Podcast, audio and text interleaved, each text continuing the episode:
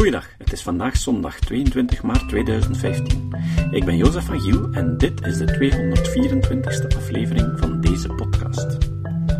Op 3 maart ben ik bij Johan Braakman op bezoek geweest en ik heb hem geïnterviewd. Vandaag horen jullie het tweede deel van dat interview. Is kennis van de filosofie noodzakelijk voor wetenschappers? Zijn de theorieën van Thomas Kuhn en van Paul Feyerabend geen dooddoeners voor het scepticisme? Wat zeggen Kuhn en Feyerabend eigenlijk? Dat soort vragen hebben we aan Johan Braakman gesteld, en in dit tweede deel van het interview geeft hij ons geduldig antwoorden. Hier komt het. Zouden eh, wetenschappers dan eigenlijk niet meer dat soort dingen moeten leren eigenlijk? Wel, ik ben daar natuurlijk niet tegen. Uh, maar er is natuurlijk een praktisch probleem. Kijk, je, je, je kunt niet... Uh, ook, als wetenschapper denk ik ook niet te geweldig veel tijd besteden aan de lectuur van, uh, van de klassiekers enzovoort. Nee, dat, dat kost ontzettend veel tijd. Maar er is wel natuurlijk hedendaagse goede wetenschapsfilosofie die voorbeelden uit het verleden neemt en, en die op een bevattelijke manier ja, naar voren brengt. Ik denk dat wetenschappers daar veel kunnen aan hebben. Ja. Omdat, ja, we weten gewoon dat veel wetenschappers ook vaak, in zekere zin ook vaak intuïtief te werk gaan. Dus, dus het, het ja. lijkt bijna evident, je doet een experiment zo en zo. En je hebt die en die statistische methode en, enzovoort. En je doet op die en die manier waarnemingen met die en die technologie. Uh, terwijl het geen kwaad kan om dat scherper in vraag te gaan stellen. Uh, enfin, je kan voorbeelden geven. Hè. Bijvoorbeeld, de, de meeste artsen hebben jarenlang een opleiding gehad, maar zien erg weinig over wat nu eigenlijk fundamenteel onderzoek inhoudt in de geneeskunde. En dat zorgt ervoor dat, dat wij vaststellen, enfin, wij sceptici zal ik nu maar zeggen, dat uh, nogal wat artsen vaak ook uh, flirten of meegaan in uh, ja, zogenaamde alternatieve geneeskunde, terwijl de gemiddelde scepticus onmiddellijk ergens een alarmbelletje hoort rinkelen enzovoort. En dan is het verwonderlijk dat een arts, ondanks die langdurige wetenschappelijke opleiding, dat niet onmiddellijk doorgeeft. Ik denk dat dat eerder is, niet door een gebrek aan medische kennis, maar door een gebrek aan, ja, aan wetenschapsfilosofische kennis. Dus, dus je hebt niet, ze hebben niet de reflex om onmiddellijk te hoe is die kennis tot stand gekomen? Hoeveel studies zijn er gebeurd? Is er een meta-analyse enzovoort? Dat, één op de tien artsen zal zich dat afvragen, maar de meesten dus niet. Dat is een beetje gebrek aan, denk ik, aan wetenschapsfilosofie. Ja. Nu zijn er bepaalde strekkingen in de wetenschapsfilosofie. In uw hoorcollege Kritisch Denken spreek je over Karl Popper, onder andere. Het is lang geleden dat ik er naar geluisterd heb. En zo. Maar bijvoorbeeld en dat is duidelijk. Ik denk dat ook iemand die weet wat Popper gezegd heeft, dat is niet zo heel moeilijk om te hoewel, begrijpen. Ja, hoewel het voor veel mensen ook wat contra-intuïtief is. Ja, ja. Want je zegt, Popper zegt eigenlijk dat een goede wetenschappelijke theorie een theorie is die in principe kan onderuit gehaald worden. Ja. En dan gaan, dan gaan spontaan mensen denken, ho hoezo, als ze kan onderuit gehaald worden, is het toch niet goed. Hè? Dus ja. zo evident is het ook niet. Ja, maar aan de andere kant je bijvoorbeeld uh, filosofen gelijk uh, Thomas Kuhn en uh, Feyerabend. Ja die zo'n beetje ja, ons bijna het gevoel geven, toch als niet-filosoof van, eigenlijk kunnen we niks weten. Ja. En uh, de wetenschappelijke methode is even onzeker als gewoon intuïtie. Ja, maar ik denk niet dat Koen dat gezegd heeft. Ja? Uh, Feyerabend flirte daar misschien wel al wat mee. Maar, maar Thomas Koen is, is denk ik wat dat betreft toch vaak uh, fout geïnterpreteerd. Nu ook, hm. je moet ook rekening mee houden.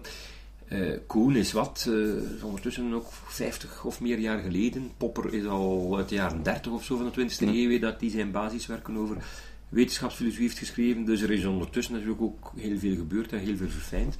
Maar bon, bij het grote publiek zijn Popper en Koen, dat zijn bekende namen. Als men iets kent van wetenschapsfilosofie, ja. valt het, uh, komt het daar vaak op neer. En, en Koen en Feyerabend worden dikwijls juist tegen, genoemd, en ja. tegen de sceptici als tegenargument ja. gebruikt. Hè. Ik denk onterecht, toch zeker wat, uh, wat Thomas Koen betreft. Kijk, Koen heeft, uh, denk ik, terecht erop gewezen dat wetenschappelijke revoluties plaatsvinden. Uh, in die zin, uh, er is een soort gevestigde theorie. Een theorie is een complex iets, dat bestaat uit allerlei onderdelen en zo. Mm -hmm. En dan krijg je na verloop van tijd uh, wat hij noemde anomalieën, dus, dus metingen die niet klopten of resultaten van metingen die niet strookten met de gevestigde theorie enzovoort, waarnemingen die afweken. En uh, in het begin wordt dat genegeerd of onder de mat gefoefeld, of uh, men weet niet goed wat er mee aan moet enzovoort, dus dat blijft maar duren. Maar die anomalieën beginnen zich meer en meer op te stapelen. En vooral de jongere mensen springen daarop, uh, gaan daar meer en meer aandacht aan geven. Ja. En op een bepaald moment is, dat, ja, is het niet meer houdbaar. Dus de oorspronkelijke theorie kan dat niet meer wegverklaren. En vaak gaat het dan zo, volgens Koen, dat je dan, dus het duurt heel lang en dan krijg je plots een soort revolutie, in zekere zin. En op relatief korte tijd wordt de gevestigde theorie onderuit gehaald en komt er iets nieuws in de plaats. En uh, hij geeft daar een aantal voorbeelden van. Het, het een misschien al meer toepasselijk dan het ander, de zogenaamde Copernicaanse revolutie. In de scheikunde bijvoorbeeld de vervanging van de zogenaamde phlogiston-theorie door de theorie die uh, verbranding via zuurstof verklaart, bijvoorbeeld. Die phlogiston-theorie? Wel, die houdt in dat men dus dacht dat uh, als je een kaars bijvoorbeeld onder een stolp zet, mm -hmm. een glazen stolp, dan gaat na verloop van tijd de kaars uit. En de theorie was dat bij de verbranding er een stof vrijkomt, phlogiston, redeneerde men. Ah, ja, en als het phlogiston de stolp gevuld heeft, gaat de kaars uit. Nu weten wij natuurlijk, uh, nee, de, er is zuurstof in de stolp ja. en door verbranding wordt die zuurstof opgebruikt. Als de zuurstof op is, gaat de kaars uit. Dus dit is ook relatief goed gedocumenteerd, dat ja. daar ook een revolutie heeft plaatsgevonden in de scheikunde. Ja, de, de, ontdekking van zuurstof en de werking van zuurstof betekende ook een revolutie voor allerlei processen dan natuurlijk. Hè. En, en phlogiston bleek niet te bestaan. Zoals bijvoorbeeld uh, de ether, denk aan relativiteitstheorie. Uh, een van de basisinzichten was, ja, die ether bestaat eigenlijk niet, uh, die zogezegd uh, de golven zou dragen enzovoort. Dus, dus je, je, hebt allerlei voorbeelden waar dat wel klopt. Dat je dus wat Koen noemde een paradigma shift krijgt. Ja, van het ene paradigma naar het ander. En het is niet zo dat het eerste paradigma de verschijnselen niet kon verklaren. Dat kon, kon ze wel. Bijvoorbeeld Ptolemaios voor Copernicus kon redelijk goed wat je waarneemt aan de hemel verklaren, kon zelfs ja, voorspellingen doen van zonsverduisteringen en zo. Ja. Maar de basisaannames waren niettemin grondig fout. Dan zou je kunnen daaruit afleiden, en ik denk dat daar bij veel mensen de misvatting zit, dat Koen dus beweert, kijk, het zal altijd zo zijn. En voor elk paradigma dat we nu hebben, zal er vroeg of laat wel uh, zullen er anomalieën beginnen opduiken en zullen we vroeg of laat wel weer een paradigmawisseling kennen. Dat is niet wat hij zegt. Het is niet omdat dat in het verleden soms heeft plaatsgevonden, dat het gegarandeerd zo is dat het in de toekomst opnieuw zal plaatsvinden. Misschien in sommige disciplines, maar niet noodzakelijk natuurlijk in alle disciplines. Bijvoorbeeld, voor zover er al een Darwinistische revolutie is geweest, je kunt daar lang over discussiëren, maar goed, er valt daar natuurlijk wel veel voor te zeggen, dat uh, voor 1859, de publicatie van On the Origin of Species, uh, de meerderheid van mensen, ook wetenschappers, niet in evolutie geloofden, als ik het woordje geloven niet mag zeggen, mag gebruiken. En dat na Darwin vrij snel de wetenschappelijke gemeenschap evolutie wel accepteerde. Niet de mechanismen zoals natuurlijke selectie en zo, dus, dus dat is allemaal weer iets anders. Maar evolutie op zich, uh, bon, na Darwin of tijdens Darwin zijn leven nog, heeft men dat vrij snel geaccepteerd, want de bewijzen waren overweldigend. Dus je kunt zeggen, bon, daar is dus een paradigma shift uh, geweest, à la Koen, dat is min of meer juist. Maar dat wil natuurlijk niet zeggen dat we moeten vanuit gaan dat over 50 jaar, over 100 jaar of zo, uh, er weer een paradigma shift zal komen en dat dus ook evolutie niet blijkt te bestaan of, of iets ja. helemaal anders zal zijn. Dat is denk ik onzin. Ja, dus uh, Koen heeft nooit beweerd dat wetenschap geen progressie maakt. Uh, je kunt zeggen in tegendeel, hij heeft net aangetoond dat door die paradigma shifts er wel degelijk progressie gebeurt. In plaats van dat je ja, het, het one damn thing after the other zou krijgen. Dus de ene, het ene paradigma na het andere. Nee. Ja. Uh, de paradigma's zorgen voor shifts, zorgen voor verbetering. En ik denk bijvoorbeeld in, in evolutiebiologie, dat lijkt mij een goed voorbeeld.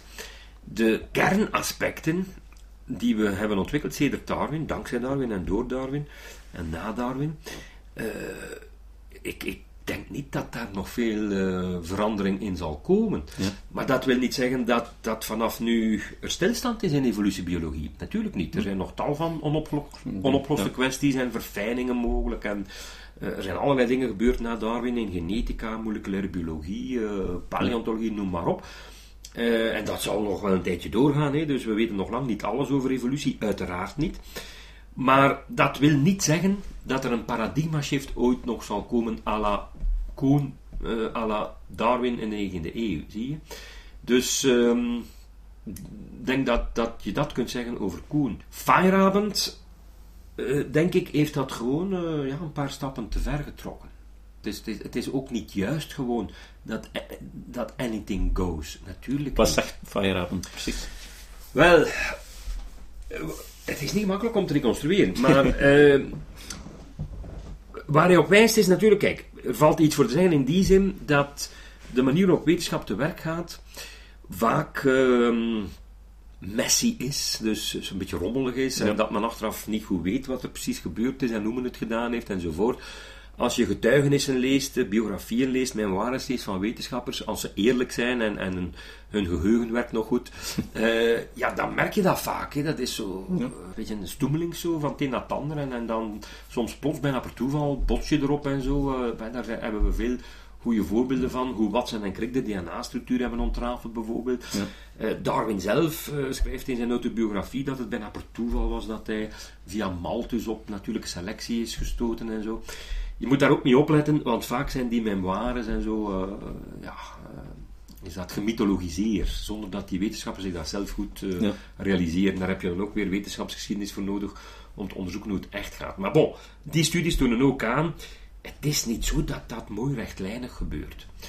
Uh, er zijn daar zelfs extremere voorbeelden van te geven. Mendel bijvoorbeeld, die wij vrij algemeen als de vader van de genetica beschouwen, ja. met zijn erften-experimenten en zo, wordt een beetje beschreven als zo het eenzame genie dat experimenten deed daar in die kloostertuin. En op de, ja, wat wij nu noemen, de Mendelwetten kwam en zo, maar niemand uh, zag in hoe briljant dat wel was. En dus is, is dat verdwenen in de geschiedenis tot het herontdekt werd, uh, zoveel ja. decennia later. Wel nu, dat is een mythe. Mendel wist waarschijnlijk zelf niet wat hij deed, hè, bij wijze van spreken. Hij, hij, heeft zeker niet geweten dat hij de zogenaamde Mendelwetten heeft ontdekt. Uh, dus dus, dus uh, dat verhaal is, ja, moet je dat zeggen, is onderuit gehaald, ge, gedeconstrueerd. en dat zou kunnen bij Feyerabend aansluiten, zie je? Dus, dus Feyerabend, zo, dat is gesneden koekenbrood voor mensen die à la Feyerabend willen beweren. Ja. ja. de wetenschap rommelt maar wat aan en, en, ze probeert maar wat en er zit daar geen systematiek in. En, en soms drijft er eens iets boven en, en dan, dan. En er zijn zo nog voorbeelden. Uh, bijvoorbeeld ook als iemand het wel juist heeft. Denk aan Wegener bijvoorbeeld, die de platentectoniek ontdekte. Hij zat juist. Hij wist dat hij juist zat. Enfin, hij kon dat vermoeden. Maar het heeft wat, 30 jaar geduurd of zo, eer hij gelijk kreeg. Hij was al dood toen. Dan zou je ook kunnen zeggen, uh, kijk, dit is wetenschap. Uh, ze, ze, weten zelf niet, niet, eens wanneer er een goed inzicht is enzovoort. Bon. Daar valt tot op zekere hoogte allemaal iets voor te zeggen. Mm -hmm. Maar Feyerabend trekt dat dan te fel door en denkt dan dat er geen enkele systematiek in zit, of geen enkele nee. rode draad in zit, of, of geen enkele grondige meta-analyse van uh, methodologie enzovoort. En dat is natuurlijk ook niet juist. Ja. Wat niet wegneemt, zover wil ik wel meegaan, het kan lang duren en het kan beter. Bijvoorbeeld uh, de ontwikkeling van de dubbelblind uh, methode is iets wat eigenlijk nog maar 25, 30 jaar oud is. Dus, dus ontwikkeld is de dubbelblind. De dubbelblind ja. proef, hè? placebo gecontroleerd. Placebo, want gewoon placebo gecontroleerd bestond al wel langer, zeker concluderend, Feyerabend uh, overdrijft daarin. Mm -hmm. Hoewel daar, zoals ik zei, valt daar soms wel iets voor te zeggen natuurlijk. En, en ik denk trouwens dat dat vaak komt doordat, uh, zoals we al besproken hebben, wetenschappers zich soms te weinig vragen stellen van wetenschapsfilosofische ja, aard. Ja. dus, dus, dus niet genoeg methodologisch nadenken. Maar bijvoorbeeld dus de ontwikkeling van de dubbelblindproef, placebo gecontroleerd enzovoort, dat is al ja, een recente ontwikkeling in de geneeskunde, ja. 20, 30 jaar of zo. Dat is eigenlijk van na de tijd van Feyerabend. Dus, dus dat, dat zegt op zijn minst twee dingen. Aan de ene kant zegt dat, dat hij wel een punt heeft, want als hij de toestand van de geneeskunde in zijn tijd bekeek, kon hij dat misschien zeggen. En nu kunnen we het voor een stuk nog zeggen, uh, hoe, hoe, medicatie en therapieën gemaakt worden, hoe ze worden toegepast enzovoort. Maar tegelijkertijd moet je ook zeggen, kijk, er is ondertussen wel die dubbelblind uh, methode ontwikkeld. En daar waar die toegepast wordt, leidt dat wel degelijk tot, uh, nee. tot veel beter inzichten. Mm -hmm. En daar kun je niet zeggen anything goes, want we zeggen nee, uh, het moet door die filter van die dubbelblindstudies, en dat zorgt voor betrouwbare resultaten. En dat alleen eigenlijk ultiem. Dus zo ontwikkelt de evidence-based Ja. medicine, en daar geldt net niet anything goes, integendeel. En de resultaten zijn Ja. manifest meer betrouwbaar. Zou je kunnen zeggen dat er eigenlijk een soort Darwinistisch proces loopt in de wetenschap, waarbij dat er een aantal eh, chaotische zaken zijn, zoals Feyerabend beschrijft, maar dat daarachter een soort selectieproces ontstaat, omdat Ja. het opgepikt wordt door Ja. andere... Eh, dat is onder andere zelfs door Popper en andere mensen op die manier ook beschreven. Ja. Eh, daar zit waarschijnlijk wel iets in. Daar zit waarschijnlijk wel iets in, een soort trial and error. En er is variatie op hetzelfde thema. En verschillende groepen of verschillende mensen brengen verschillende ideeën na- naar voren rond een analoog probleem. Soms zijn het er maar twee. Bijvoorbeeld denk aan Darwin en Wallace. Ja. Ja, en dat van Darwin bleek dan ja, superieur te zijn aan, aan dat van Wallace, dat een aantal foute veronderstellingen bevatte. Enfin, of misschien waren er meerdere als je Lamarck ook nog bijneemt en zo. Dus Ja. dus ja, in zekere zin kun je zeggen, eh, er is variatie en er is eh, selectie. Verder zou ik die analogie nu ook niet, eh, niet trekken, omdat er is natuurlijk ook veel verschil. Wetenschap is een cultureel proces, hè, kan vooruitkijken. Ehm, je kunt dus kennis gewoon overdragen eh, van brein naar brein. Terwijl in de evolutie gaat het natuurlijk via genen, waarin informatie zit gecodeerd. Dat is natuurlijk een andere Ja, ja. manier van kennisoverdracht, als het ware. Maar er valt wel iets te zeggen. Kijk, een onderscheid dat hier ook, ook misschien nog handig is om, om naar voren te brengen, dat door wetenschapsfilosofen vaak gemaakt eh, wordt, is wat men noemt de context of discovery aan de ene kant en de context of justification aan de andere kant. Komt eigenlijk neer op het volgende: je hebt de context waarin de ontdekkingen gedaan worden. En dat is soms rommelig en competitief. Ja. En trial and error. En, en, en, en blinde straten. En, en zelfs, zelfs soms fraude. En, en, en niets menselijk is, is daar vreemd. Ja. En dan heb je de context of justification, waar men probeert de resultaten te rechtvaardigen. En eigenlijk zijn dat twee gescheiden domeinen. Het is een beetje de keuken van het restaurant, waar van alles gebeurt. En dat wat op de tafel komt eh, Ja. met veel gesten, eh, dat, dat zijn vaak twee totaal andere, andere zaken. Ja, natuurlijk horen ze samen ergens. Hè. Maar eh, ik denk dat ehm, een soort Darwinistisch selectieproces speelt zich vaak af in de context of discovery. Hè. Ehm, en dan drijft iets naar boven. En dat wordt dan uiteindelijk als het ware gelegitimeerd. En dan moet je natuurlijk verwijzen naar de resultaten en de methode. Dan moet je je gaan verantwoorden. Ja. Dus dat is wat uiteindelijk eh, in, de, in, de, in de journals terechtkomt. Ja. En dan, dan wordt het natuurlijk vaak anders beschreven dan hoe het in werkelijkheid gebeurd is. Dat, Ja. dat weet iedereen. Maar dat is niet per se negatief. Dus bij, bij artikels, eh, in het begin heb je vaak ja, ehm, wat uiteenzetting over hoe hebben we het gedaan, hè, de, de gebruikte methodes en het aantal proefpersonen bijvoorbeeld, of Ja. van naar lang waarover het gaat natuurlijk. Eh, en dan ja, de resultaten en dan een discussie van de resultaten. Dat ziet er allemaal heel mooi uit en zo. Maar dat is de context of justification, zie je.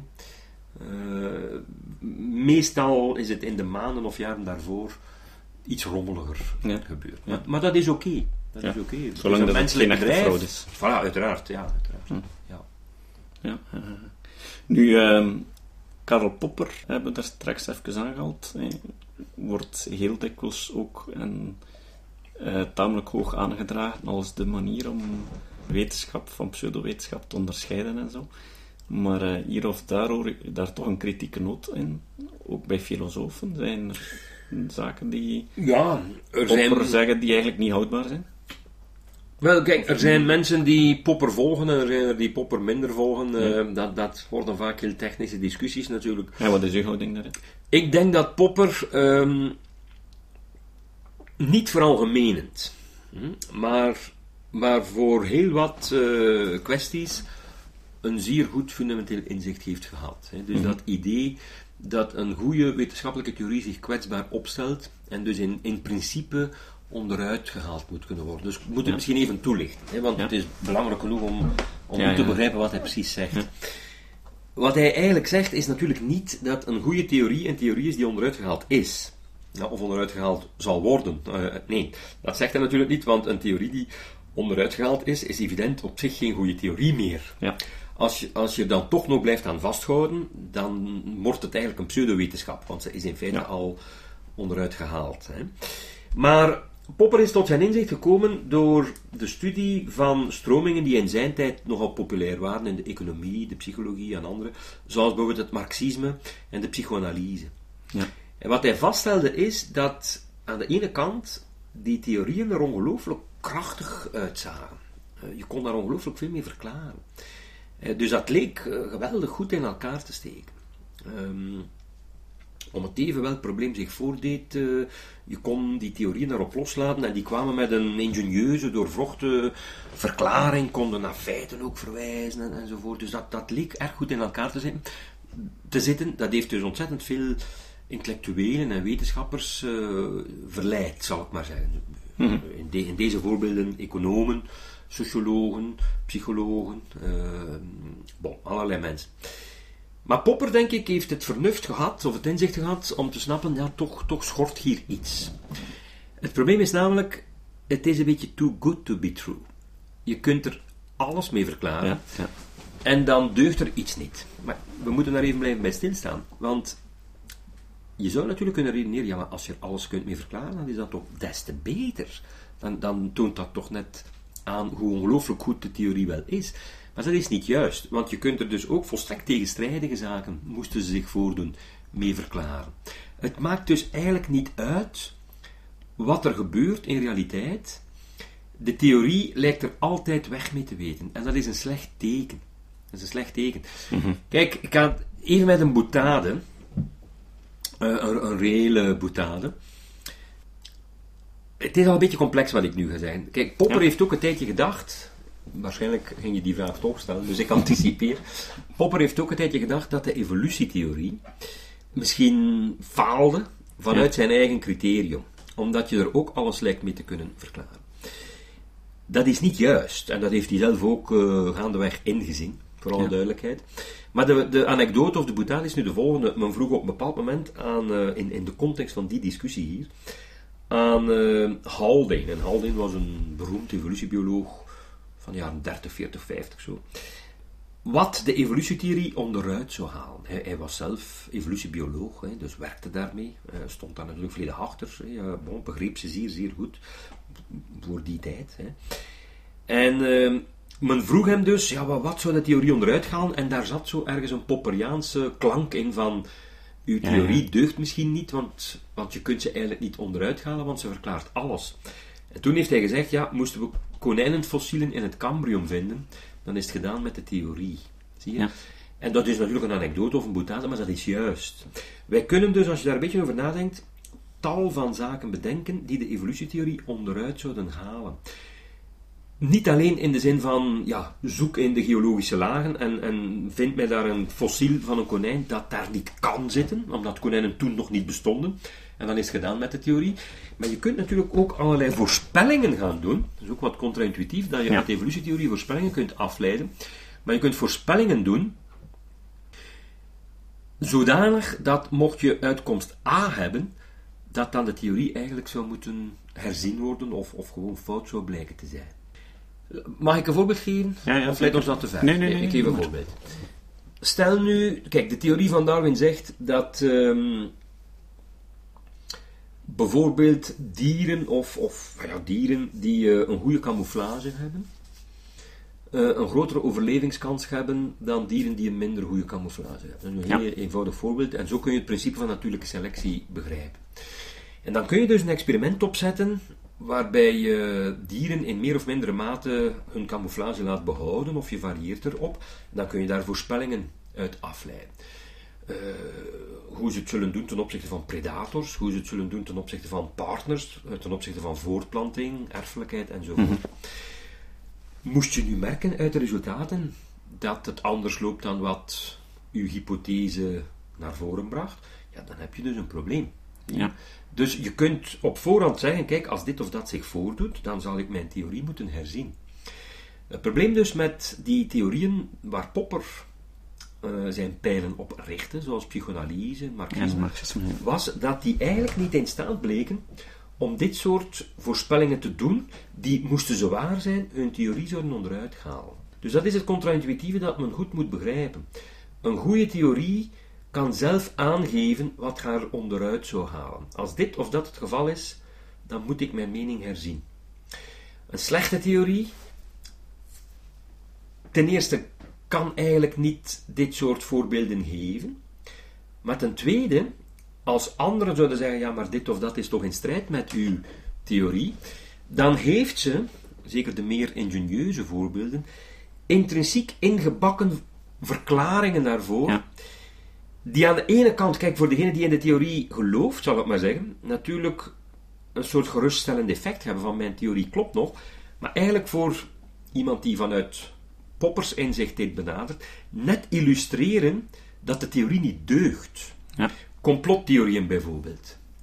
Eh, iemand die in, in complottheorieën gelooft, ehm, die gaat op de duur zelfs de afwezigheid van bewijs als een bewijs voor de complottheorie zien. Ja. Dat is heel bizar, maar je kunt zijn logica wel begrijpen. En het is typisch iets wat zondigt dus tegen dat falsificatieprincipe heet dat dus Ja. bij, bij Popper.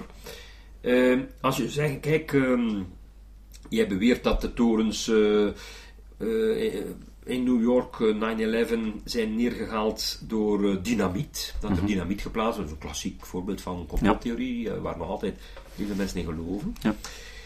Jij beweert dat als complotdenker, maar we hebben daar nooit een spoortje bewijs van gevonden.